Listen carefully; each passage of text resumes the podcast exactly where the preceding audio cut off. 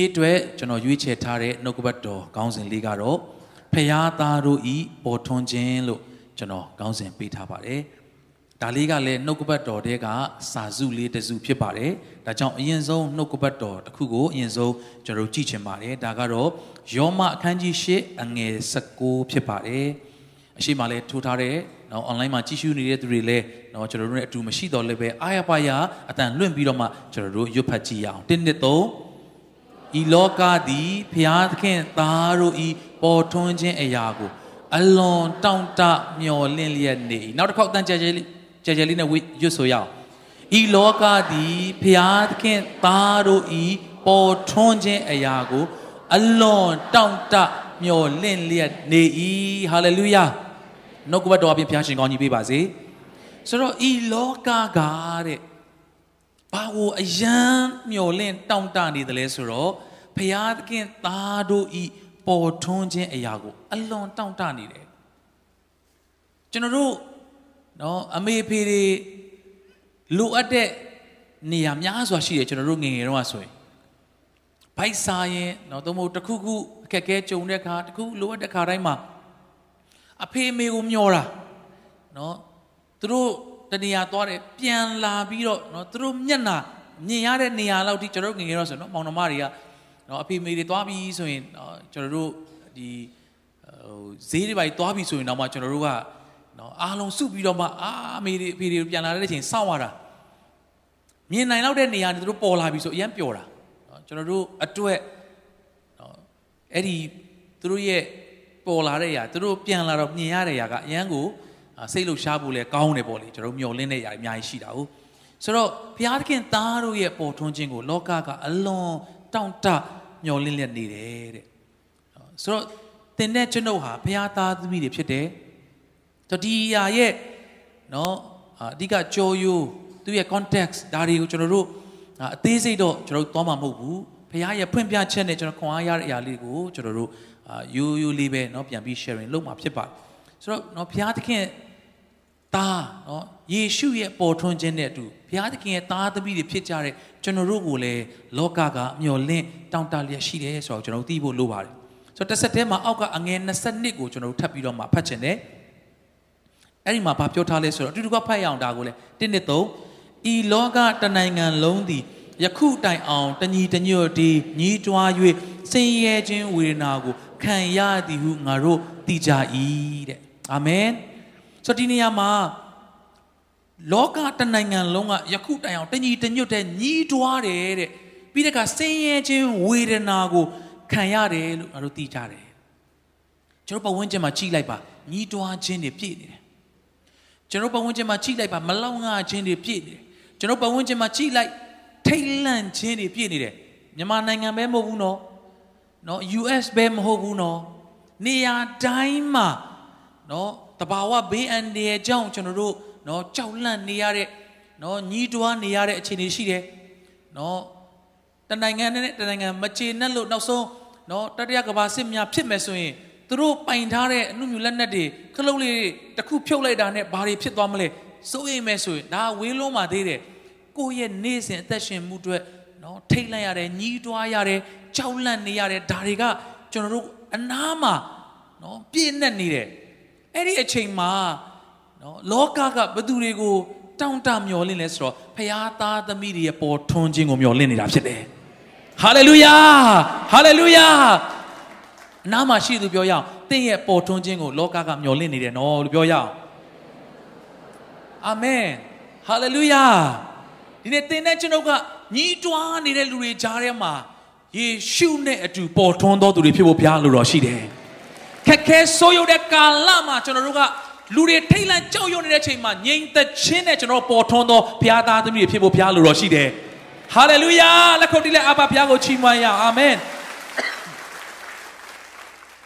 ဒါကြောင့်ပတ်ဝန်းကျင်ကိုကြည့်လိုက်ရင်ကြောက်စရာတွေကြီးပဲဒါပေမဲ့အဲ့ဒီချိန်မှာယေရှုကဘာပြောလဲဆင်းရဲဒုက္ခနှောက်ယှက်ခြင်းတွေကြုံရပါမယ်ဒါပေမဲ့မစိုးရင်လည်းငါဟာလောကကိုအောင်ပြီတဲ့အာမင်ဟာလေလုယာ သင်နဲ့ကျွန်တော်ဟာအဲ့ဒီလောကရဲ့အခြေအနေတွေကြောင့်ကျွန်တော်တို့ကထိတ်လန့်တုန်လုံးညီးတွားရမယ့်သူတွေမဟုတ်ပဲအဲ့လိုညီးတွားနေတဲ့သူတွေကိုပင်လင်မျော်လင့်ခြင်းပေးနိုင်သောဘုရားသားသမီးတွေဖြစ်တယ်ဟာလေလုယာအချို့သောသူတွေရှိတယ်သူရှိပြီဆိုတာနဲ့ကိုနေရင်ထိုင်ရင်နော်ကြာလာတော့စိတ်ပြက်လာတာကိုကပျော်ပြီးတော့ရောက်လာသူနဲ့တွေ့တာစကားတစ်ခွန်းပြောနှစ်ခွန်းပြောသုံးခွန်းပြောကြာလာတော့ကိုပါဘာမှမလုပ်တတ်တဲ့သူတယောက်လိုဖြစ်ပြီးတော့စိတ်ဓာတ်တွေချပြီးပြန်သွားတယ် ချို့သောသူတွေကြတော့စိတ်ပြက်လက်ပြန်လက်နဲ့နော်တွေ့ရတာတော့မှမင်းဘာလို့အားငယ်နေသလဲနော်ငါတို့ဖခင်ကတတ်နိုင်တယ်နော်ဆူတောင်းရအောင်ငါမင်းတို့ဆူတောင်းပေးမယ်ဆိုပြီးတော့မှမျော်လင့်ချက်ပေးနိုင်သောဘုရားသားသမီးတွေဖြစ်ဖို့ဘုရားလိုတော်ရှိတယ်ဟာလေလုယာဒီနေ့အစပြီးသင်ရောက်တဲ့နေရာတိုင်းမှာဘလောက်ပဲ၆ကပ်နေတဲ့နေရာဖြစ်ပါစေဘုရားသားသမီးတွေရောက်သွားတဲ့အခါစိုးပြေသောနေရာဖြစ်ရမယ်ဟာလေလုယာ ဘလောက်ပဲညီးတွားနေတဲ့အရက်ဖြစ်ပါစေသင်ရောက်သွားတဲ့အခါဝမ်းမြောက်ခြင်းစကားတွေဖုံးလွှမ်းသောအရက်ဖြစ်လာမယ်ဟာလေလုယာဟာလေလုယာဒါကြောင့်ဒီနေ့ဖခင်ရဲ့သားတော်နော်ယေရှုရဲ့ပေါ်ထွန်းခြင်းကြောင့်ကျွန်တော်တို့တွေကလွတ်မြောက်ရတဲ့ဝမ်းမြောက်ရတဲ့ညီမ့်သက်ခြင်းခံစားရတာဖြစ်တယ်ဒီနေ့ယေရှုခရစ်တော်ကရောက်လာပြီးတော့မှအသင်အခြေအနေကိုကြည့်ပြီးတော့မင်းကလည်းအညံ့တော့ကွာမင်းကဒီလိုမှမလုပ်နိုင်တာစ조사တော့အာဖြစ်ရင်လည်းဖြစ်နိုင်တယ်ဒါပေမဲ့ နော်မင်းကနည်းနည်းတော့ညံ့လွန်းတယ်အဲ့လိုပြောတဲ့ယေရှုမဟုတ်ပဲနဲ့ဘာမှမတတ်နိုင်တဲ့သူတွေတွေ့တဲ့အခါတိုင်းသူကမျော်လင့်ခြင်းကိုပေးသောဖခင်သားဖြစ်တယ်ဟာလေလုယာဒါကြောင့်ထိုကဲ့သို့ယေရှုခရစ်တော်ကိုကျွန်တော်တို့ကမျှော်လင့်ခြင်းအပြင်ကျွန်တော်တို့ဒီလွတ်မြောက်ခြင်းထာဝရအထိတည်ကြခြင်းနဲ့များစွာခံစားရတာဖြစ်တယ်။ဒါကြောင့်အရင်ဆုံးเนาะယေရှုရဲ့เนาะအသက်တာလူစားတိခံယူပြီးတော့မှ အသက်ရှင်ခဲ့တဲ့အချိန်ထဲမှာကြုံရတဲ့အရာလေးတွေများစွာနော်ခွန်အားရစရာများစွာရှိတဲ့ထဲမှာတစ်ခုနှစ်ခုလေးကျွန်တော်တို့ကြည့်ကြမှာဖြစ်တယ်ဥပမာနော်တေခြင်းနဲ့ကြုံတွေ့နေရတဲ့လာစုတို့မိသားစုလာစုတို့သေးပြီးတကြိုတာလေးရရှိနေပြီဘလို့မှမဖြစ်နိုင်တော့ဘူးမျောလင့်ချက်ဆိုတာလုံးဝမရှိတော့ဘူးသို့တော့အဲ့ဒီအချိန်မှာကိုရောကျွန်တော်ကိုကိုရောစေလွတ်တယ်စေလွတ်တဲ့ဖရာသားတော်ဖြစ်တယ်ဆိုတာကိုဒီမှာရှိတဲ့သူအားလုံးမြင်နိုင်ဖို့ရန်အတွက် ဆိုပြီးတော့မှစတင်ပြီးတော့မှလာဇရုထွက်ခဲလို့ဆူတောင်းပြီးတော့မှអော်တဲ့အခါမှာလုံးဝမျောလင့်ချက်မရှိတော့တဲ့နော်အာသေသွားပြီဖြစ်တဲ့အဲ့ဒီရက်ဝန်းမှာအသက်ရှင်ခြင်းကပြန်လည်နေရာယူလာတာဖြစ်တယ်ဟာလေလုယာဖခင်သားတော်ရှိတဲ့နေရာတိုင်းမှာသေခြင်းကစီတာလို့မရတော့ဘူး စိတ်ပြက်ခြင်းကစီတာလို့မရဘူးငိုကြွေးခြင်းကစီတာလို့မရဘူးအခြေအနေတွေပြောင်းပြန်လန့်တဲ့အထိယေရှုခရစ်တော်ရဲ့ပေါ်ထွန်းခြင်းကထင်ရှားလာတာဖြစ်တယ်ထိုယေရှုကိုလက်ခုပ်တီးလက်ကုံပြုကြရအောင်အာမင်ဟာလေလုယာတခါမှเนาะကျွန်တော်တို့ကျမ်းစာလေးကြည့်ရအောင်ယောဟန်ခန်းကြီး1ထဲမှာဒီတလောမှာကျွန်တော်ဒီအဖြစ်ပြက်အားဖြင့်เนาะချို့သောသူတွေเนาะချို့သောကျွန်တော်တို့တင်းတော်ရဲ့ team zoom လေးတွေမှာလည်းကျွန်တော်ခွန်အားပေးတာရှိတယ်ဒီတလောမှာ เนาะကျွန်တော်အမေနဲ့လည်းတော်တော်ပြောဖြစ်တဲ့ခါမှာဒီဖြစ်ပျက်ကကျွန်တော်ကိုအတိတ်တပံပြန်ပြီးကောင်းကြီးဖြစ်စေတယ်ဒါကတော့ယောဟန်ခန်းကြီး1လို့ပြောလိုက်တာ ਨੇ ယေရှုပထမအဆုံးပြုတဲ့နမိတ်လက္ခဏာဆိုတာကျွန်တော်တို့တခါတည်းတန်းပြီးတော့မှသိပါတယ်ဆိုတော့အဲ့မှာအငယ်တစ်ကနေကျွန်တော်တို့စပြီးတော့ကြည့်မယ်ဆိုရင်เนาะ၃ရက်မြောက်တဲ့နေ့မှာဂါလိလဲပြည်ကာနာမြို့တွင်မင်္ဂလာဆောင်ပွဲကိုခံကြစဉ်ထိုပွဲ၌ယေရှု၏မေတော်ရှိယေရှုနှင့်တပည့်တော်တို့ကိုလည်းထိုပွဲသို့ခေါ်ပင်ကြိုက်ဆိုတော့ဒါလေးလည်းကျွန်တော်တို့နာမကြမကြပြောဖြစ်ပါတယ် ဒီနေရာမှာယေရှုနဲ့မေတော်နော်ပြီးတော့တပည့်တော်တွေရှိနေကြတယ်နော်သူတို့ကိုမဖိတ်ထားဘဲနဲ့တော့သူတို့ကအဲ့ဒီမှာရှိနေကြအကြောင်းမရှိဘူးနော်မင်္ဂလာဆောင်ဆိုတာမြို့ကဖိတ်ကြားခံရလို့ဆိုတော့ယေရှုနဲ့တပည့်တော်တွေကိုလည်းနော်တေချာလေးဖိတ်ထားတယ်ဆိုတော့ကျွန်တော်တို့သိရတယ်အဲ့ဒီခါမှာအငယ်၃ယောက်လာတဲ့အခါမှာနော်ပျော်စရာကောင်းပြီးမင်္ဂလာတွေထပ်ပြီးတော့မှနော်မင်္ဂလာအပေါင်းခညောင်းပြီးတော့မှပေါ့လေ တကယ်ကိုပျော်စရာကောင်းနေတဲ့အချိန်မှာလုံးဝမဖြစ်တဲ့နဲ့သို့မဟုတ်လုံးဝမကြားချင်တဲ့နော်သတင်းလေးတစ်ခုစကားတစ်ခုကပြန့်နှံ့လာတယ်အဲ့ဒါကဘာလဲဆိုတော့အငယ်၃စပြည့်ရီကုံသောခါတဲ့ယေရှု၏မေတော်ကစပြည့်ရီမရှိဟုကြားပြော၏အာဘလောက်နော်စိတ်ပြက်စရာကောင်းတယ်လေဒီလောက်ပျော်စရာကောင်းနေတဲ့အချိန် စိတ်ပြက်စရာဆိုတာလုံးဝနော်မတွေးချင်ဘူးနော်စိတ်ပြက်စရာဆိုတာအဲ့ဒီအချိန်မှာအနုလက္ခဏာဆိုတာလုံးဝနော်သူတို့မစင်စားချင်ဘူးဒါပေမဲ့အဲ့ဒီအချိန်မှာသူတို့စီကိုရောက်တရင်ကတဖြည်းဖြည်းနဲ့ပြန့်လာယေရှုမေတော်စီအထိရောက်လာကျွန်တော်ထင်တယ်အဲ့ဒီယေရှုမေတော်စီအထိချက်ချင်းရောက်လာတာမဟုတ်တော့ဟိုအတွင်းထဲမှာသူတို့ဒါရှုပ်ချက်ခတ်နေမှာပေါ့စပြည့်ရေကုံတော့မယ်နော်ဤခန်းနေပြီနော်နော် နော်အိုးတွေဟာနည်းနည်းပဲကြံတော့တယ်နော်ဆိုင်ရဆိုင်ရပြောပြောပြောပြောပြီးတော့မှနောက်ဆုံးနော်အဲ့ဒီပွဲမှာဒါအမျိုးတော်တာလည်းဖြစ်နိုင်တယ်တိုးတော်လည်းပဲဘာပဲဖြစ်ဖြစ်ဖိတ်ကြားခံရတဲ့ဧည့်သည်အနေနဲ့ဖြစ်တဲ့မေရော်မာရီစီကိုရောက်လာတချို့သောအရာတွေကလေကျွန်တော်တို့ကိုယ်အိမ်ထဲမှာပဲပြီးသားစုထဲမှာကြိတ်ပြီးတော့မှဟာကိုသားသမီးရေးနော်ကိုယ့်ရဲ့စီးပွားရေးကိုယ့်ရဲ့ချမ်းမာရေးအာကြိတ်ပြီးတော့မှနော်ဖြည့်ရှင်းဖို့စူးစမ်းတယ်ဒါပေမဲ့တဖြည်းဖြည်းနဲ့နော်မလောက်ငှချင်းကနေရာယူလာတယ် ဘေးလူတွေပါတိလာတယ်မိသားစုတွေအကုန်တိလာတယ်ပတ်ဝန်းကျင်ကပါတိလာတယ်ဖုံးလို့ဖိလို့မရတဲ့အချိန်တွေဖြစ်တတ်တယ်ဒီနေ့စပြည့်ရေကုံသွားတယ်ဆိုအဲ့ဒီခက်ခါကသူတို့ပွဲလန်းတပင်လုပ်တယ်အထူးသဖြင့်မင်္ဂလာဆောင်ဆိုရင်ဒါကျွန်တော်တို့နော်အားလုံးလည်းသိပါတယ်သူတို့အဓိကအဲခံတဲ့အရာကစပြည့်ရေဖြစ်မယ်ဆိုတော့အဲ့ဒီပွဲမှာအရေးကြီးဆုံးတဲ့ကတစ်ခုဖြစ်တဲ့စပြည့်အဲ့ခံပွဲတစ်ခုမှာကျွေးနေတဲ့အရာတစ်ခုကုံသွားတယ်ဆိုတဲ့စကားကသူတို့တော့ဘလောက်တောင်မှခက်ခဲမလဲ ကျွန်တော်ဟိုရင်တော့လည်းပြောဘူးသလိုပေါ့ကျွန်တော်တို့ YMC မှာနော်စကားစားတစ်နှစ်ကျော်လောက်လူကခမန်းနဲ့ခက်အထူးသဖြင့်နော်ညူရညတွေပါဆိုခမန်းရခက်တဲ့ခါမှာရင်တော့လည်းကျွန်တော်ပြောဘူးပါတယ်ဆိုတော့200လာမလား300လာမလားမှန်းပြီးတော့မှကျွန်တော်တို့လောက်ရတဲ့ဟာဖြစ်နေတော့နော်အဲ့တနှစ်မှာကျွန်တော်တို့စက်သားဆံပြုတ်တွေပြုတ်ကြမယ်ဆိုပြီးတော့ကြွေးကြမယ်လောက်တာလောက်တော့ဘယ်နဲ့ဘယ်နဲ့တော့လာမယ်ထင်လဲညကြီးတကောင်12နာရီတိဆိုတော့ဆိုတော့ကျွန်တော်200 250လောက်တိလာမယ်လို့ကျွန်တော်တို့ကထန်ကုန်မှန်းလိုက်တယ်ပေါ့လေ ဒါနဲ့စကန်နီးမာနေ200လောက်ဖြစ်နေပြီဟာချိန်နေမကောင်းနော်ဘာလို့အဲ့ကျမထချက်လို့လည်းမရတော့ဘူးဆိုတော့ဟာချိန်နေကြည့်ခဏနေတော့250ဖြစ်သွားပြီဆိုတော့ပြင်ဆင်ထားတာ200လောက်ပဲဒါပေမဲ့လူက250လောက်ဖြစ်နေအဲ့မှာနော်ကျွန်တော်မမအောင်ဆိုရင်ကိုမျိုးတို့ထင်တယ်နော်နော်နှစ်ယောက်လောက်ကဘယ်လိုလုပ်မလဲကျွန်တော်တိုင်မြင်တော့ကားတော့ယူပြီးချက်ချင်းဆင်းသွားဟာဘာသွားလောက်တာလဲပေါ့ပြန်လာတော့စားထုတ်ကြည့်တယ်ပြန်ရောက်လာဘာလို့မှလဲဆိုဟာ ဘာလို့လို့ရမလဲဆရာရေရောယုံပဲကြံတော့တာပေါ့အေးရောကွာလို့အဲ့နဲ့သူကြည့်လိုက်တော့90စာလောက်ဆိုတော့သူကရေထက်အာရမ်းတော်တယ်သူကြည့်လိုက်လူကိုကြည့်လိုက်ပြီးရေကိုကောက်ရောပြီးတော့မှစားတွေထည့်ပြီးတော့နော်အာသူကမွေတာတော့မှဘယ်ဘက်ကမွေလဲညာဘက်ကမွေလဲတေချာလေးနှံ့အောင်လုပ်ပြီးတော့မြည်ကြည့်လိုက်ဆရာလုံးဝအရသာမပြတ်ဘူးအာโอเคအစေပဲစိတ်ချလက်ချနဲ့ခဏနေတော့90 60လောက်ထပ်ရောက်လာပြန်အောင်မပြောတော့ဘူးကြည့်လိုက်တယ်တစ်ချက်ပဲထက်ရောဒါပဲ ကြိုက်တဲ့လောက်လာလာတဲ့လောက်ရောတာအရသာတော့ပြက်ခဲ့ပုံမပေါ်ပါဘူးအားလုံးကတော့ရုပ်မပြက်စားနိုင်ကြတယ်ဆိုတော့နော်ဘာမှလုပ်လို့မရဘူးရေပဲရောရတာဘာလို့လဲစံပြုတ်ကပြန်ချက်လို့မရတော့ဘူးလေဒီချိန်မှာဆိုတော့နောက်ဆုံးနော်အရေးကျဲရင်ကျဲသွားပါစေရောဟိုရောရမှာပဲမတက်နိုင်တော့ဘူးပေါ့လေဆိုတော့အဲ့ဒီအခြေအနေကြုံရပြောချင်တာကဒါကနော်ညူရမှာအပျော်နော်ကျွန်တော်တို့ဟိုမလောက်ရင်လည်းဘာမှမဖြစ်ဘူးဆိုတဲ့ပုံစံမျိုးနဲ့ကျွန်တော်တို့ဖြတ်တန်းပြီးပြီးသားစုတွေစားတာ ဟိုမှာမင်္ဂလာဆောင်ပွဲကြီးကုံသွားတဲ့ချိန်ကလူတွေစီနေတော့လူတွေလာနေတော့ဖြစ်ဖြစ်ပါအရေးကြီးဆုံးအရာကုံသွားတယ်တပြည့်တခါလေးကျရင်ကျွန်တော်တို့ဘဝမှာလေအရေးကြီးဆုံးအရာကအထဲမှာကုံနေတယ်အပြင်မှာတော့မသိတာသေးဘူးကြည့်လိုက်ရင်မင်္ဂလာသူတို့သမီးနဲ့သူတို့သားလည်းလက်တွေချိတ်ထားမှာပဲအခုကျွန်တော်တို့မြင်နေကြပုံစံဆိုရင်လက်တွေချိတ်ထားမယ်အဲပြုံးပြုံးလေးနှုတ်ဆက်ဒါပေမဲ့အထဲကစပီးကုံနေပြီရုပ်တီနဲ့တော့နှုတ်ဆက်နေတာဒါပေမဲ့အထဲမှာကုံနေပြီနော် စပီးကုံသွားလို့ဆိုပြီးချက်ချင်းသူတို့အင်ကြီးတွေနော်ဝတ်စားတွေအာတိတာသွားတာမရှိပါဘူးအခုခေတ်လိုမျိုးဆို slide တွေ lighting တွေ music တွေဖွင့်ထားမယ်နော်စပီးကုံသွားလို့နော်အတန်စင်ဒီတီလုံးတွေမှာမတိတာပါဘူးလိုက်တင်နေမှာလည်းမသိတာပါဘူးဒါပေမဲ့အထဲမှာရှိတဲ့စပည့်ရကုန်နေပြီဒီနေ့ထိုကဲတော့မိသားစုဘယ်နှယောက်ရှိနေသလဲခတ်တိဒီနေ့တော့နေနေသေးတယ်ဒါပေမဲ့အထဲမှာဝမ်းမြောက်ခြင်းစပည့်ရကုန်နေတာကြာပြီလားအာမင်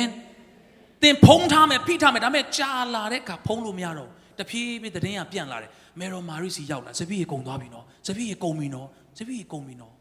ဒီနေ့ကျွန်တော်တို့ရဲ့နော်ခုနပြောသူမိတ်ဆွေတွေများစွာလာတယ်လူတွေများစွာဒီမှာစုဝေးတယ်ဘာဖြစ်လို့လဲစပြည့်ရည်ဒီဟုသောဝိညာဉ်တော်ကဒီနေရာမှာဝါစွာကျွေးနေလို့ဖြစ်တယ်ဟာလေလုယာ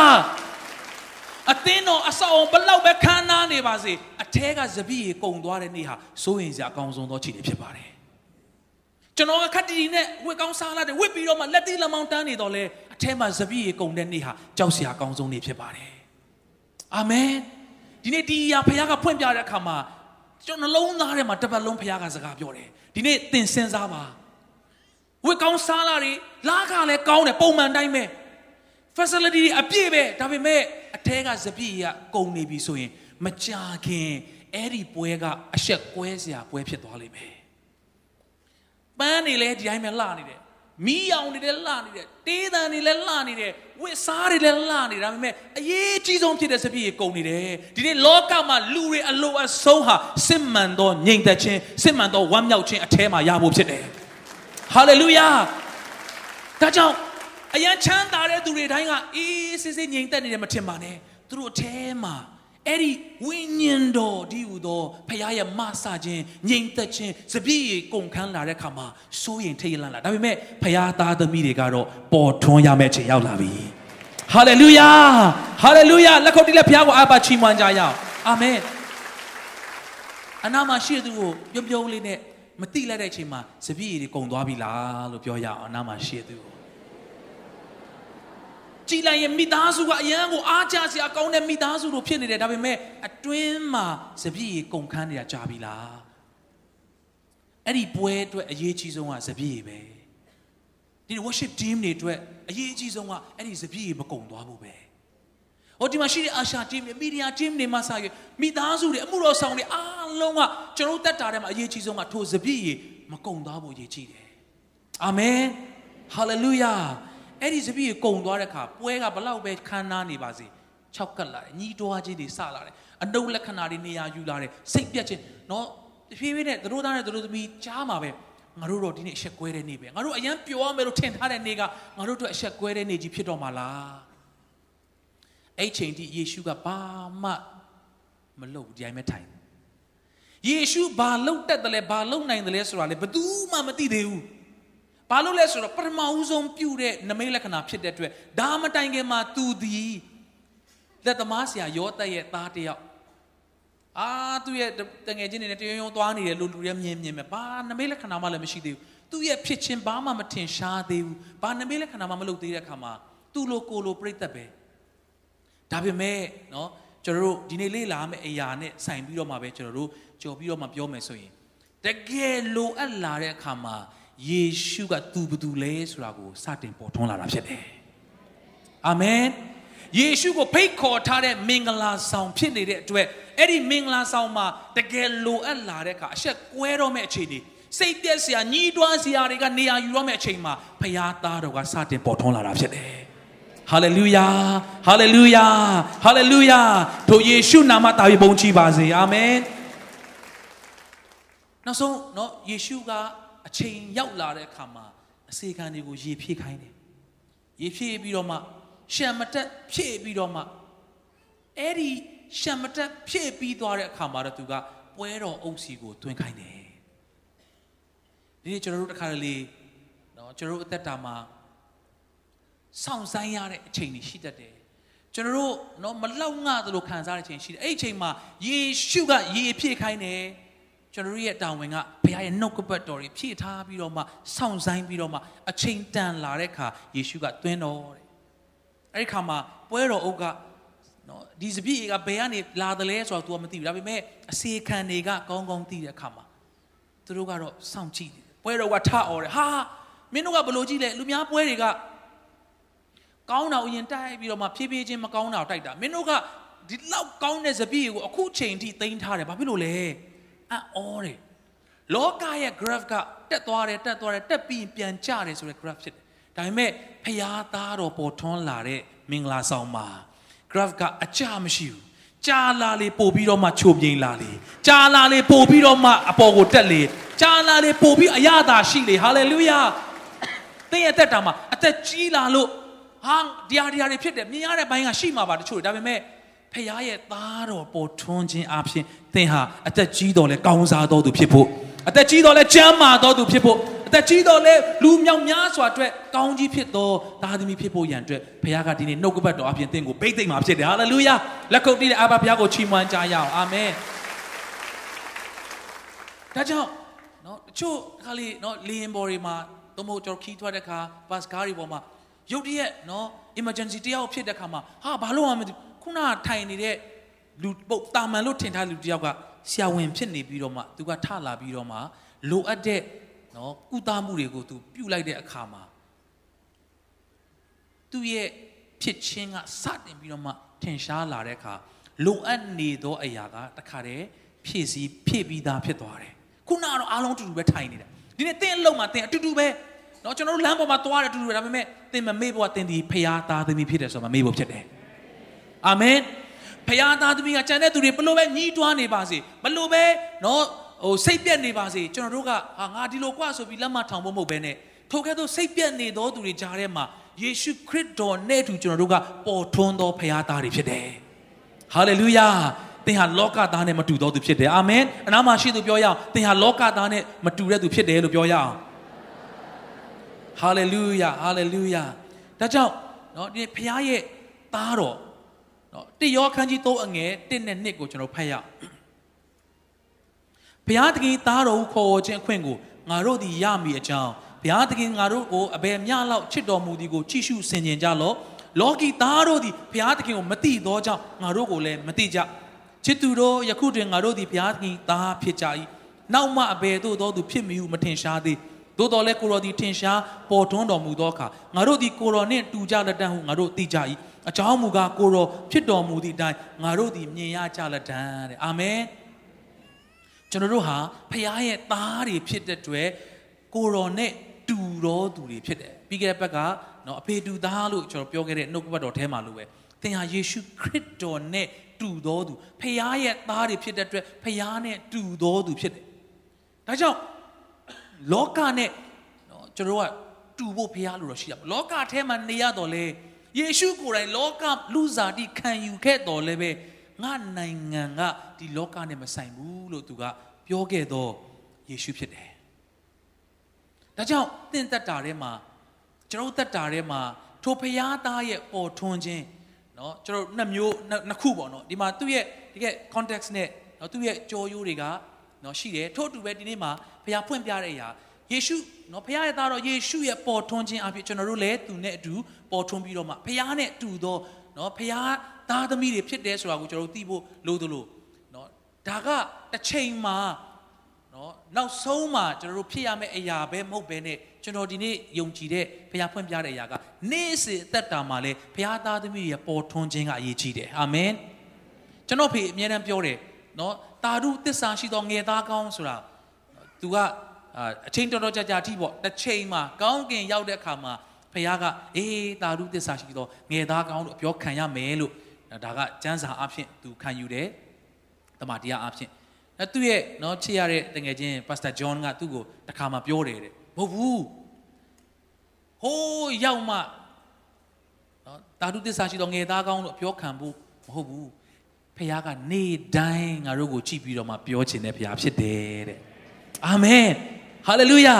ဒါကြောင့်ဒီလိုပဲဖခင်သားတို့ရဲ့ပေါ်ထွန်းခြင်းကနော်အဆုံးတနေ့ကြမှာမဟုတ်ဘဲနဲ့နေ့စဉ်မှာလဲတင်တဲ့ကျွန်ုပ်ကသူ့ရဲ့သားသမီးတွေကပေါ်ထွန်းတော်သူတွေဖြစ်ဖို့ဘုရားလိုတော်ရှိတယ်အာမင်ဘာလို့လဲတလောကလုံးကညီးတွားလျက်စိတ်ပြက်လျက်ဆင်းရဲဒုက္ခကိုရောက်နေကြတယ်ဒါကြောင့်သင်ရောက်သောနေရာမှာမျော်လင့်ခြင်းအတိတ်တပံပြန်စသောရဝန်းဖြစ်ဖို့ဘုရားရှင်သင်ကိုကောင်းကြီးပေးပါစေ။အော်မပြုံးတာတောင်ကြာနေတဲ့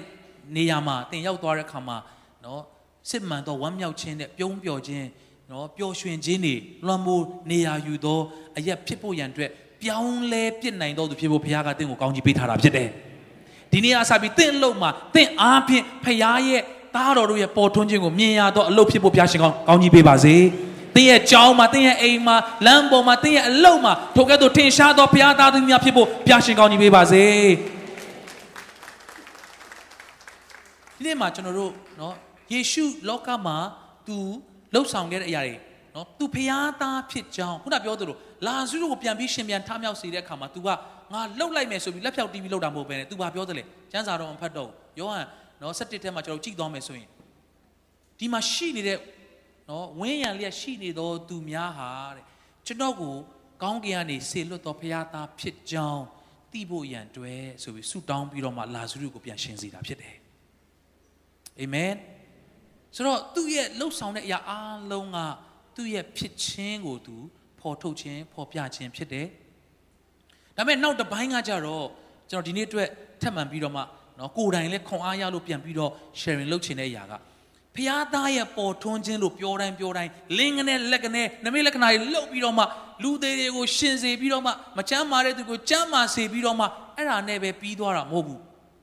ဖျားသားရဲ့ပေါ်ထွန်းခြင်းနောက်တစ်မျိုးကျွန်တော် နော်ဒီနေ့နှုတ်ကပတ်တော်တဲ့ကျွန်တော်တစ်ပတ်လုံးနော်ကျေးဇူးတော်ကြောင့်နော်ပြီးခဲ့တဲ့ပတ်တနင်္ဂနွေနေ့ညလောက်ကလေးကကျွန်တော်ဒီနေ့ဝေငှားမဲ့ခေါင်းစဉ်ကိုဘုရားကပေးတယ်တစ်ပတ်လုံးကျွန်တော်ဆင်ကျင်တယ်ပြင်ဆင်တယ် ကျွန်တော်ကိုယ်တိုင်လည်းခွန်အားရတဲ့အရာလေးတွေကိုကျွန်တော်ဝေမျှခြင်းဖြစ်ပါတယ်လို့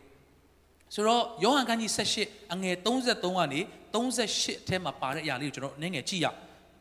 အဲ့မှာဘာတွေ့ရလဲဆိုတော့ပိလက်မင်းเนาะယေရှုကိုအားလုံးကတတ်စေခြင်းပြီဆိုတော့သူ့ကို တရားတွေစီရင်ဖို့ရန်အတွက်ပေါ့လေဖြစ်လာတဲ့ခါမှာအငယ်33မှာပိလက်မင်းသည်အိမ်တော်ဦးထဲသို့တပံဝင်၍ယေရှုကိုခေါ်ပြီးလျင်သင်သည်ယူဒရှင်ပြန်မှန်တယ်လို့ဟုမေးယေရှုကလည်းမင်းကြီးဒီကိုလိုလျောက်ဤသို့မေးတယ်လို့သို့မဟုတ်သူတစ်ပါးတို့သည်ငါ၏အကြောင်းကိုရှောက်ကြပြီလို့ဟုမေးတော်မူ၏ပိလက်မင်းကငါသည်ယူဒလူဖြစ်တယ်လို့သင်ဤလူမျိုးနှင့်တကွယေဘရဟိအကြီးတို့သည်တင့်ကိုငါ၌အပ်ကြပြီသင်သည်အဘယ်သို့ပြုမိသနည်းဟုမေးလျင်ယေရှုကနော်အငယ်36မှာ ငါဤနိုင်ငံသည်ဤလောကနှင့်မဆက်ဆိုင်ငါဤနိုင်ငံသည်ဤလောကနှင့်ဆက်ဆိုင်လင်ငါသည်ယူဒလူတို့လက်သို့မရောက်စေခြင်းကငါဤလူတို့သည်တိုက်လန်ကြလိမ့်မည်ယခုမူကငါဤနိုင်ငံသည်ဤဒေသအရက်နှင့်မဆက်ဆိုင်ဟုမိန့်တော်မူ၏တဲ့ယေရှုပြောတဲ့စကားကတာမန်နော်တင်ချာနီးနဲ့နော်သို့မဟုတ်လူတွေရဲ့ပုံမှန်တွက်ချက်ခြင်းအရာ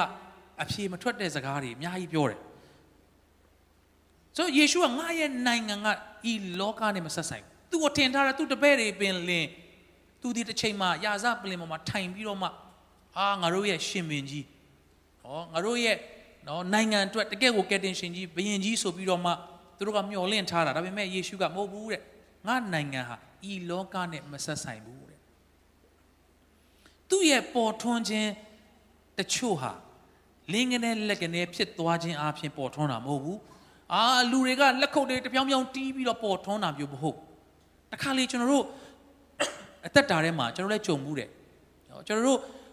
ကိုဘသူလဲဆိုတာကိုမသိဘူး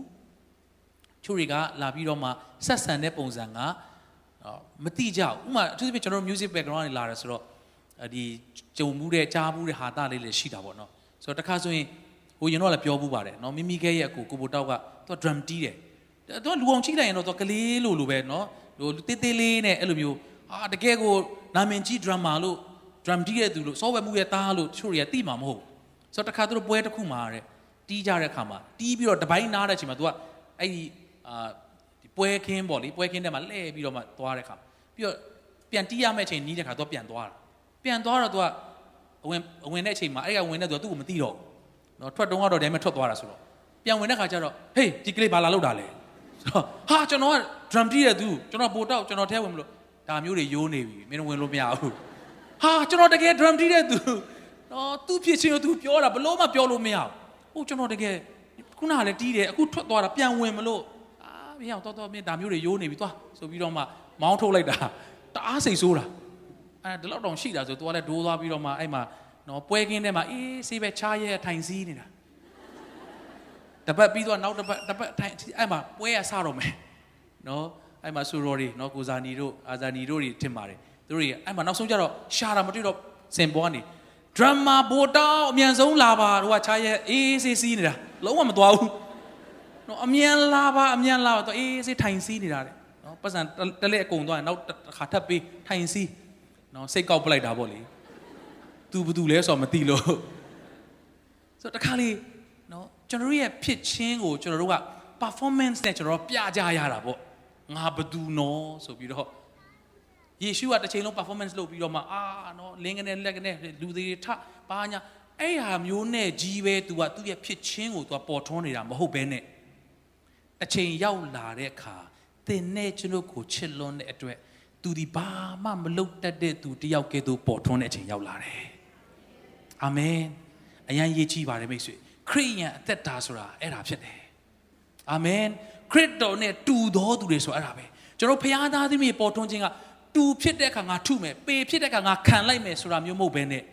သင်တူဖြစ်တုံးမှလဲထုလို့ရတဲ့ချိန်မှလဲလှုပ်လို့ရတဲ့ချိန်မှလဲမလှုပ်ဘဲနဲ့ယေရှုနဲ့တူသောဖခင်သားသမီးတွေရဲ့ပေါ်ထွန်းခြင်းနဲ့ပေါ်ထွန်းသောသူများဖြစ်ဖို့ဖခင်ရှင်ကောင်းကြီးပေးပါစေဟာလေလုယာဟာလေလုယာ ဒါကြောင့်ကျွန်တော်တို့အသက်တာမှာဖခင်သားသမီးတွေရဲ့ပေါ်ထွန်းခြင်းလို့ပြောတိုင်းကျွန်တော်တို့ဒီအစွမ်းတွေပြနေတာမဟုတ်ပါဘူးဘုရားသားရဲ့ပေါ်ထွန်းခြင်းလို့ပြောတိုင်းနမိတ်လက္ခဏာတွေတစ်ချိန်လုံးလုံနေပြီးစင်ပေါ်မှာပဲတစ်ချိန်လုံးနေတာမဟုတ်ပဲနဲ့ဘသူမှမမြင်ရတဲ့ဟိုးစင်နောက်ွယ်လေးမှာတင်လှုပ်လိုက်တဲ့အရာတစ်ခုကဘုရားသားရဲ့ပေါ်ထွန်းခြင်းဖြစ်ဖို့ဖျားရှင်ကောင်းကြီးပေးပါစေအာမင်သင်နော် Facebook မှာမပါသွားပါဘူး။အိုးသတင်းတွေမှာမပါပါဘူး။သို့တော့ သင်မရှိတဲ့သူတယောက်လမ်းဘေးမှာနော်မရှိတဲ့သူတယောက်ကိုသင်ပေးလိုက်တဲ့အချိန်တိုင်းမှာလေဖခင်သားတို့ရဲ့ပေါ်ထွန်းခြင်းဖြစ်တယ်ဆိုတာနားလည်ဖို့လိုတယ်။ဟာလေလုယာ။သင်လူတယောက်ကိုစကားပြောလိုက်တဲ့အချိန်ဟာလေသင်ရဲ့ဖြစ်ခြင်းကိုသင်ကပေါ်ထုတ်နေခြင်းဖြစ်တယ်ဆိုတာနားလည်ဖို့လိုတယ်။အာမင်။တခါလေရှိတယ်မလား။အာ तू ကတော့အဲ့လိုပြောတာနဲ့ तू နဲ့မလိုက်ဘူး။နော်အဲ့လိုမပြောသင့်မဖြစ်သင့်ဘူးဆိုတော့နော်လူတွေကတော့မှထင်တဲ့အရာတတ်မှတ်တဲ့အရာရှိတယ်ကျွန်တော်တို့ တကယ်စစ်မှန်တဲ့ဘုရားသားသမီးတွေကနော်ယေရှုကိုပြလက်မင်းကနော်မျိုးမျိုးစစ်တယ်ပြောတယ်ယေရှုကတော့ဒီငါရဲ့နိုင်ငံမင်းတို့ထင်သားသလိုမဟုတ်ဘူးတဲ့လောကနဲ့မဆက်ဆိုင်ဘူးတဲ့ငါဤနိုင်ငံဤလောကနဲ့ဆက်ဆိုင်တယ်ဆိုရင်ငါလူတွေငါ့ကိုရအောင်ကယ်မှာတိုက်လန်မှာပေါ့တဲ့အဲ့လိုမဟုတ်ဘူးတဲ့ငါရဲ့နိုင်ငံကဤဒေတာအရက်နဲ့မဆက်ဆိုင်ဘူးတခါလေသင်လောကမှာနော်လှုပ်ဆောင်ရတဲ့ကဘယ်ကဏ္ဍပဲဖြစ်ဖြစ်ပါ music လောကဖြစ်ဖြစ်နော်စီးပွားရေးလောကဘယ်လောကဖြစ်ဖြစ်လေ တကယ်ကိုရှုပ်ထွေးပြီးတော့မှသွားတဲ့ concept တွေကမတူဘူးနော်ဟိုစဉ်းစားတဲ့ပုံစံတွေပြောတဲ့စကားတွေမတူကြဘူးနော်ကျွန်တော်တို့အရင်နော်အဆင်ပြေနေတာမဟုတ်ဘူးနေရာတိုင်းမှာနော်ဆိုတော့ရောက်တဲ့နေရာတိုင်းမှာကျွန်တော်တို့ကကိုယ့်ရဲ့ဖြစ်ချင်းကိုအစွမ်းပြခြင်းအပြင်ပေါ်ပြဖို့ကြီးပဲမဟုတ်ဘဲနဲ့သင်ဒီတချို့သောဖျားသားဖြစ်ခြင်းကိုပေါ်ထွန်းတဲ့နေရာမှာ သီးခံပြီးတော့မှပေါ်ထွန်းရသောနေရာတွေဘုရားကအခွင့်ပေးလိမ့်မယ်အဲ့ဒီနေရာမှာသင်တာဝန်ကြီးစွာပေါ်ထွန်းပါဟာလေလုယာဟာလေလုယာချို့သောသူတွေကကြောက်လန့်ပြီးထိတ်လန့်နေတဲ့အချိန်မှာသင်ဟာဖျားပေးတဲ့ငြိမ်သက်ခြင်းနဲ့သူတို့ကိုပင်လည်းပြန်အားပေးသောနှစ်သိမ့်သောဖျားသားသမီးတွေပေါ်ထွန်းခြင်းနဲ့ပေါ်ထွန်းသောသူများဖြစ်ဖို့ဖျားရှင်ကောင်းကြီးပေးပါစေ။ဟာလေလုယာ။ဒါကြောင့်နော်ဒီအရာလေးကိုကျွန်တော်ဆင်ခြင်ပြီးတဲ့အခါမှာအရန်နော်အတိတ်တပံဖျားကတပတ်လုံးဖျားကကျွန်တော်ကိုစကားပြောတယ် အချို့သောသူတွေအတွက်လည်းဘုရားကဓာတ်ရိုက်စကားပြောမယ်လို့ကျွန်တော်ယုံကြည်တယ်အခန်းကြီး19နော်ယောဟန်အခန်းကြီး19အငယ်1ကနေခွန်ကျွန်တော်ထပ်ပြီးကြည့်မယ်ဆိုရင်ထိုအခါပိလမင်းသည်ယေရှုကိုယူ၍ရိုက်ပြီးမှတဲ့စစ်သူရဲတို့သည်စူးပင်နှင့်ရက်တော်ဥကောင်းကိုဥရစ်ကိုခေါင်းတော်၌တင်၍ညီမောင်းသောဝစ်လုံနှင့်ခြုံစေပြီးလင်ယူဒရှင်ပြင်ကိုတော်သည်မင်္ဂလာရှိစေတည်းဟုဆို၍ရိုက်ပုတ်ကြ၏ပိလမင်းကလည်းဤသူ၌အဘယ်ပြစ်ကိုမြငါမတွေ့ကြောင်းကိုသင်တို့သိစေခြင်းက သူ့ကိုတင်တို့ရှိရာသို့ငါထုတ်ပြသည်ဟုဆို၏ထိုအခါယေရှုသည်စူးပင်ဥယျာဉ်နှင့်ညီမောင်းသောဝတ်လုံတို့ကိုဝတ်လျက်ပြင်သို့ထွက်ကြတော်မူ၏ပြီးလည်းမင်္ဂလာလည်းသူ့ကိုကြည့်ကြလို့ဆို၏ယေဘရဟိအကြီးတို့နှင့်လူလင်များတို့ကထိုသူကိုလဝါကားထဲမှာရိုက်ထားပါရိုက်ထားပါဟုဟစ်ကြော်ကြ၏ပြီးလည်းမင်းကလည်းတင်တို့သည်သူ့ကိုယူ၍လဝါကားထဲမှာရိုက်ထားကြငါသည်သူ့၌အပြစ်ကိုမတွေ့ဟုဆိုလျင်ယူဒလူတို့သည်ဤသူသည်ဘုရားသခင်သားတော်ဖြစ်အောင်ဆောင်သောကြောင့်အကျွန်ုပ်တို့၌ရှိသောဓမ္မသက်တိုင်းသေထိုက်ပါသည်ဟုရှောက်ကြ၏တဲ့ဆိုတော့ ယေရှုကဘာမှအပြစ်မရှိဘူးလို့ထက်ခါထက်ခါ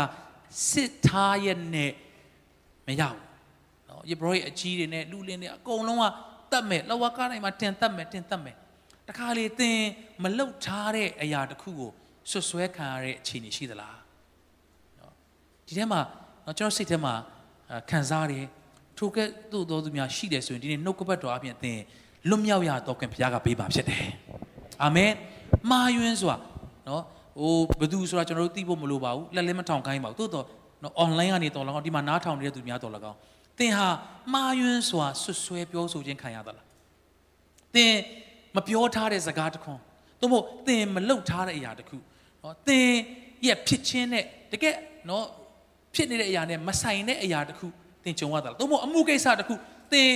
ပေးမပေးရမဲ့ဟာဒါပေမဲ့ပေးဖို့ရန်အတွက် ယော်ရဖို့ရန်အတွက်ဆွဆွဲခံထားရသလားအစသဖြင့်ဘာဆိုတော့ကျွန်တော်အတိအကျမသိသို့တော့ဖခင်ကဒီနေ့ထိုသူများအတွက်နှုတ်ကပတ်တော်ကိုဆေးလွတ်ပေးတာဖြစ်တယ်။နေသင်ရဲ့တက်တာထဲမှာသင်ရဲ့ပေါ်ထွန်းခြင်းတိုင်းဟာဖခင်သားသမီးတွေပေါ်ထွန်းခြင်းဖြစ်တယ်ဆိုတော့မမေ့ဖို့လိုတယ်အာမင်။ယေရှုကဟိုးပြီးခဲ့တဲ့ရက်မှာပဲနမိတ်လက္ခဏာကြီးကြီးမားစွာလုပ်တယ်လေဒါပေမဲ့ဒီနေ့မှာတော့ तू ဘာမှမလုပ်တတ်တဲ့သူတယောက်လို့လူတွေကသူ့ကိုရိုက်တယ်နာတဲ့သူတောင်ကျမ်းမာစေတဲ့သူကအခုတော့အရိုက်ခံနေရတယ် သေတဲ့သူကိုတောင်ရှင်စေတဲ့ဖခင်ရဲ့သားတော်ကဒီတစ်ခေါက်ပေါ်ထွန်းခြင်းကတော့အသေးခံခြင်းအပြင်ပေါ်ထွန်းတယ်အာမင်ဒီကျွန်တော်တို့ယုံကြည်သူတွေကဘယ်လိုသင်ပေါ်ထွန်းနေသလဲခွင့်ရရတာနဲ့ပြန်ချမယ်နော်ဒါဝိဒ်ကရှောလူကိုနှစ်ကြိမ်တတ်ခွင့်ရပေမဲ့အဝတ်စွန်းလေးပဲဖြတ်တယ်အဲ့ဒါတော့မှ तू ပြန်နောင်တရတယ်တဲ့သူ့ရဲ့ပေါ်ထွန်းခြင်းတိုင်းဟာသူ့ရဲ့ဖြစ်ခြင်းဖြစ်ပါတယ်ဒီနေ့ ကျွန်တော်တို့ရဲ့အသက်တာကျွန်တော်တို့ရဲ့လှုပ်ဆောင်မှုတိုင်းကဖျားသားသမီးတွေရဲ့ပေါ်ထွန်းခြင်းဖြစ်တဲ့အခါမှာသင်သည်ဘယ်ကဲ့သို့တခါတလေစင်ပေါ်မှာတင်ပြီးတော့ဖျားကနော်ပေါ်ထွန်းစေတဲ့အချိန်ရှိမှာပါတချို့သောအချိန်တွေမှာစင်ပေါ်မှာလည်းမဟုတ်ဘူးနော်မီးအောင်တွေကြားထဲမှာလည်းမဟုတ်ကင်မရာတွေကြားထဲမှာလည်းမဟုတ်ဘူးဘယ်သူမှမသိနိုင်တဲ့အချိန်မှာသို့မဟုတ်နော်လုံးဝကိုအမှန်တရားနော်ငါမလှုပ်ထားဘူးနော်ဒါငါရောစရာမလို့ဒါငါဖြည့်ရှင်းစရာမလို့ဒါငါမဟုတ်ဘူး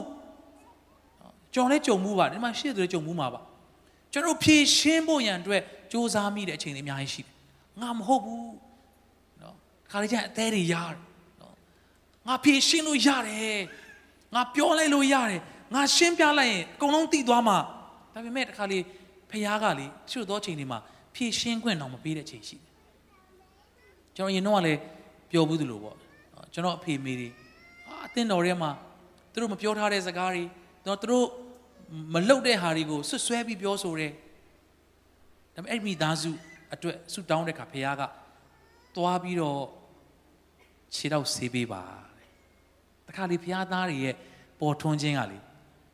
နော်ဟာရှက်စရာကြီးဟာနှိမ်ကြလိုက်တာနော်အမေကပြောတယ်အဲ့ချိန်မှာလူအနေနဲ့ဆို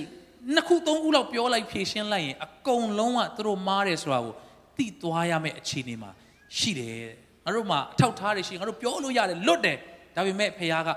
သွားပြီးတော့ခြေဆေးပေးပါတဲ့သူတို့ကိုဘာမှသွားမပြောရင်တော့တော်တော်တော်တော်လေးဟုတ်နေပြီဒါပေမဲ့သွားပြီးတော့မှเนาะဟိုဖြည့်ရှင်းတာတို့တခုခုပြောတာတို့မလုတ်ခိုင်းတဲ့အပြင်ဖခင်ကဘာလုတ်ခိုင်းလဲခြေသွားဆေးပေးပါတဲ့ကျွန်တော်အဖေမိက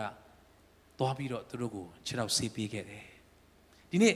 သင်နဲ့ကျွန်ုပ်ရဲ့ပေါ်ထွန်းခြင်းပြန်စဉ်းစားပါ ငါလှုပ်ပလိုက်မယ်ငါလှုပ်လို့ရတယ် तू ငါ့ကိုဒီလိုလှုပ်ထားတာငါပြန်ပြီးတော့မှကလေးစားချိန်မယ်မှန်ပါတယ်အခွင့်အရေးရတယ်ဒါပေမဲ့သင်ယေရှုနဲ့တူသောဘုရားသားသမီးတွေရဲ့ပေါ်ထွန်းခြင်းနဲ့ပေါ်ထွန်းသောသူရောက်စီတိုင်းဖြစ်ဖို့ဘုရားရှိကောင်းကြီးပေးပါစေဟာလေလုယာဟာလေလုယာဒါကြောင့်ကျွန်တော်တို့ကိုဘသူလဲဆိုတာကိုကျွန်တော်တို့ထုတ်ပြဖို့ရတဲ့အချိန်တိုင်းမှာကျွန်တော်တို့ရဲ့အဖြစ်မှန်ကထင်ရှားလာတာဖြစ်တယ်။တင်းရဲ့ငြိမ်သက်ခြင်းကလိမ်လို့မရ။ တင်းထဲမှာရှိတဲ့ဝမ်းမြောက်ခြင်းကလိမ်လို့မရ။တင်းထဲမှာရှိတဲ့နော်ချစ်ချင်းမေတ္တာကလိမ်လို့မရ။တင်းထဲမှာရှိတဲ့ဖခင်ရဲ့နော်ချစ်ချင်းမေတ္တာဖခင်သားရဲ့ဖြစ်ခြင်းကလုံးဝလိမ်လို့မရ။ခုနပြောသလိုပေါ့နော်။အာကျမ်းမာရေးနဲ့လိုအပ်တဲ့အခါမှာဆရာဝန်တွေရဲ့ဖြစ်ခြင်းကလိမ်လို့မရဘူး။သူတို့မတည့်ရက်လာတယ်လှုပ်ရှားရှိရဆလှုပ်လာတယ်။ဒီနေ့ကျွန်တော်တို့လောကမှာညီးတွားနေကြတယ်စိတ်ပြက်နေကြတဲ့အချိန်မှာသင်ဟာမျော်လင့်ချက်ရှိသောဘုရားသားသူမျိုးဖြစ်တဲ့အခါမှာစိတ်ပြက်ပြီးတော့မှသူ့ဘဝကိုနော် လက်လျှော့ဖို့ကြိုးစားနေတယ်သူတွေ့တဲ့အခါမဟုတ်ဘူးငါတို့မှာမျော်လင့်ချက်ရှိတယ်သင်အတွက်မျှော်လင့်ချက်ရှိအဲ့ဒါကတော့ယေရှုခရစ်တော်ကသင်ကိုချစ်တယ်ယေရှုကသင်အတွက်မျှော်လင့်ချက်ဖြစ်တယ်ဆိုတာကိုသင်လက်ဆင့်ကမ်းပြီးဝေမျှပြီးတော့မှဘုရားသားတို့ရဲ့ပေါ်ထွန်းခြင်းအဖြစ်ပေါ်ထွန်းကြရအောင်ဟာလေလုယာဟာလေလုယာဒီနေ့နှုတ်ကပတ်တော်ကကျွန်တော်တို့အတွက်များစွာစကားပြောမယ်လို့ယုံကြည်ပါတယ်နောက်ဆုံးเนาะတယောက်အကြောင်းပြောခြင်းအဲ့ဒါကယောသတ်ဖြစ်တယ်ယောသတ်ကเนาะကျွန်တော်အားလုံးသိတဲ့အတိုင်းပဲသူ့ကိုယ်တွေက သူ့ကိုအချစ်ဆုံးဖြစ်မယ်လို့ထင်ရတဲ့သူတွေကသူ့ကိုတတ်ဖို့ထိစူးစမ်းတယ်နောက်ဆုံးမှာမတတ်ဘဲနဲ့ရေတွေနဲ့ထည့်တယ်နောက်ဆုံးရောင်းစားတယ်ပေါ်တီဖိုင်မှာရောက်တယ်နေရင်ထိုင်ရင်ကျွန်ဖြစ်သွားတာသူ့ဖေရဲ့အချစ်ဆုံးသားကနေပြီးတော့မှနေရင်ထိုင်ရင်ဟိုမှာကျွန်ဖြစ်ပြီးတော့မှခက်ခဲနော်ယုံကန်ရဟာအဲ့ဒီမှာစင်ပြေတော့မလားဆိုတခါမှားယွင်းစွာဆွဆွဲပြီးတော့မှထောင်ကျသွားပြန်ရော သူ့ဘဝမှာစရင်လှုပ်ထားမယ်ဆိုရင်ကလေးစားခြေရမယ့်သူတွေကအများကြီးပဲ list နဲ့လာတာဒါပေမဲ့နော်ထောင်ထဲရောက်တဲ့ခါမှာလေနော်အနက်အိမ်မက်အနက်ပြန်ပေးတယ်လွတ်လွတ်မြောက်ရင်ကျွန်တော်ကမမေ့ပါနဲ့လွတ်သွားတယ်တတိမရကြဘူးဘလောက်နော်စိတ်နာစရာကောင်းတယ်ဒါပေမဲ့သူ့ကိုယ်နဲ့သူတွေ့တဲ့ခါမှာကပောက်ကျန်45အငယ်4နဲ့5မှာ ယောသက်ကလည်းကျွန်ုပ်အနီးပါးသို့လာကြပါလောအကိုတို့အားဆိုလင်သူတို့ဒီအနီးပါးသို့ချင်းလာကြ၏သူကလည်းကျွန်ုပ်ဒီအဂုရုပြည်သို့ရောင်းလိုက်သောတင်တို့ညီဖြစ်ပါ၏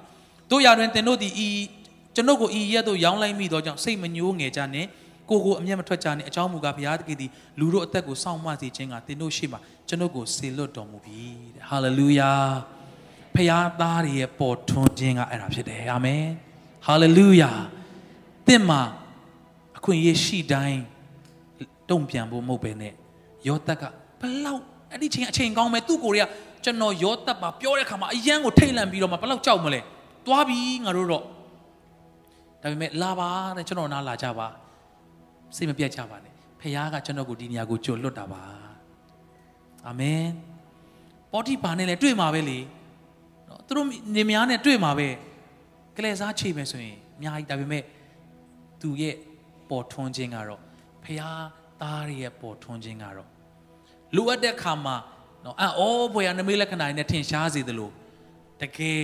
ရှောက်ရမယ့်အချိန်မှာယေရှုဖခင်ရဲ့သားတော်ပေါ်ထွန်းခြင်းကကားတိုင်းထမ်းပြီးတော့မှသူ့ရဲ့ဖြစ်ခြင်းကိုပေါ်ထွန်းတာဖြစ်တယ်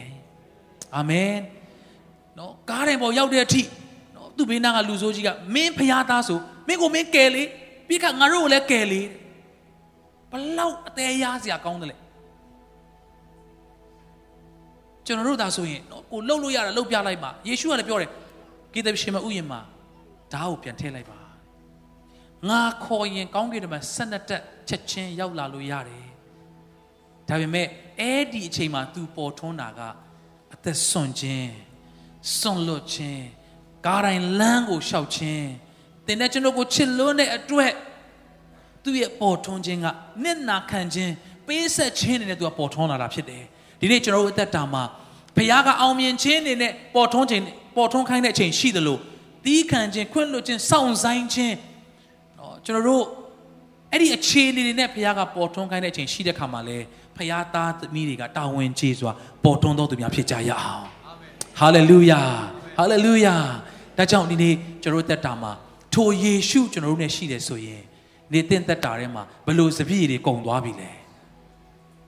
ဘလို့ရှက်ကွဲခြင်းတွေကဝန်းရံနေတယ်လေဘလို့ညီးတွားခြင်းတွေပြည့်နေတယ်လေဒါပေမဲ့အဲ့ဒီဖခင်သားတော်ယေရှုရှိတဲ့မင်္ဂလာဆောင်ဟာအရှက်ကွဲတော့မဲ့မင်္ဂလာဆောင်သည်ကျမ်းစာထဲမှာမှတ်တမ်းတင်ရလောက်အောင်အံ့ဩစရာကောင်းတဲ့နမိတ်လက္ခဏာဖြစ်တဲ့ဂျေဇုတော်အားပါချီးမွမ်းရတဲ့မင်္ဂလာဆောင်ဖြစ်သွားတယ်ဟာလေလုယာဟာလေလုယာဟာလေလုယာ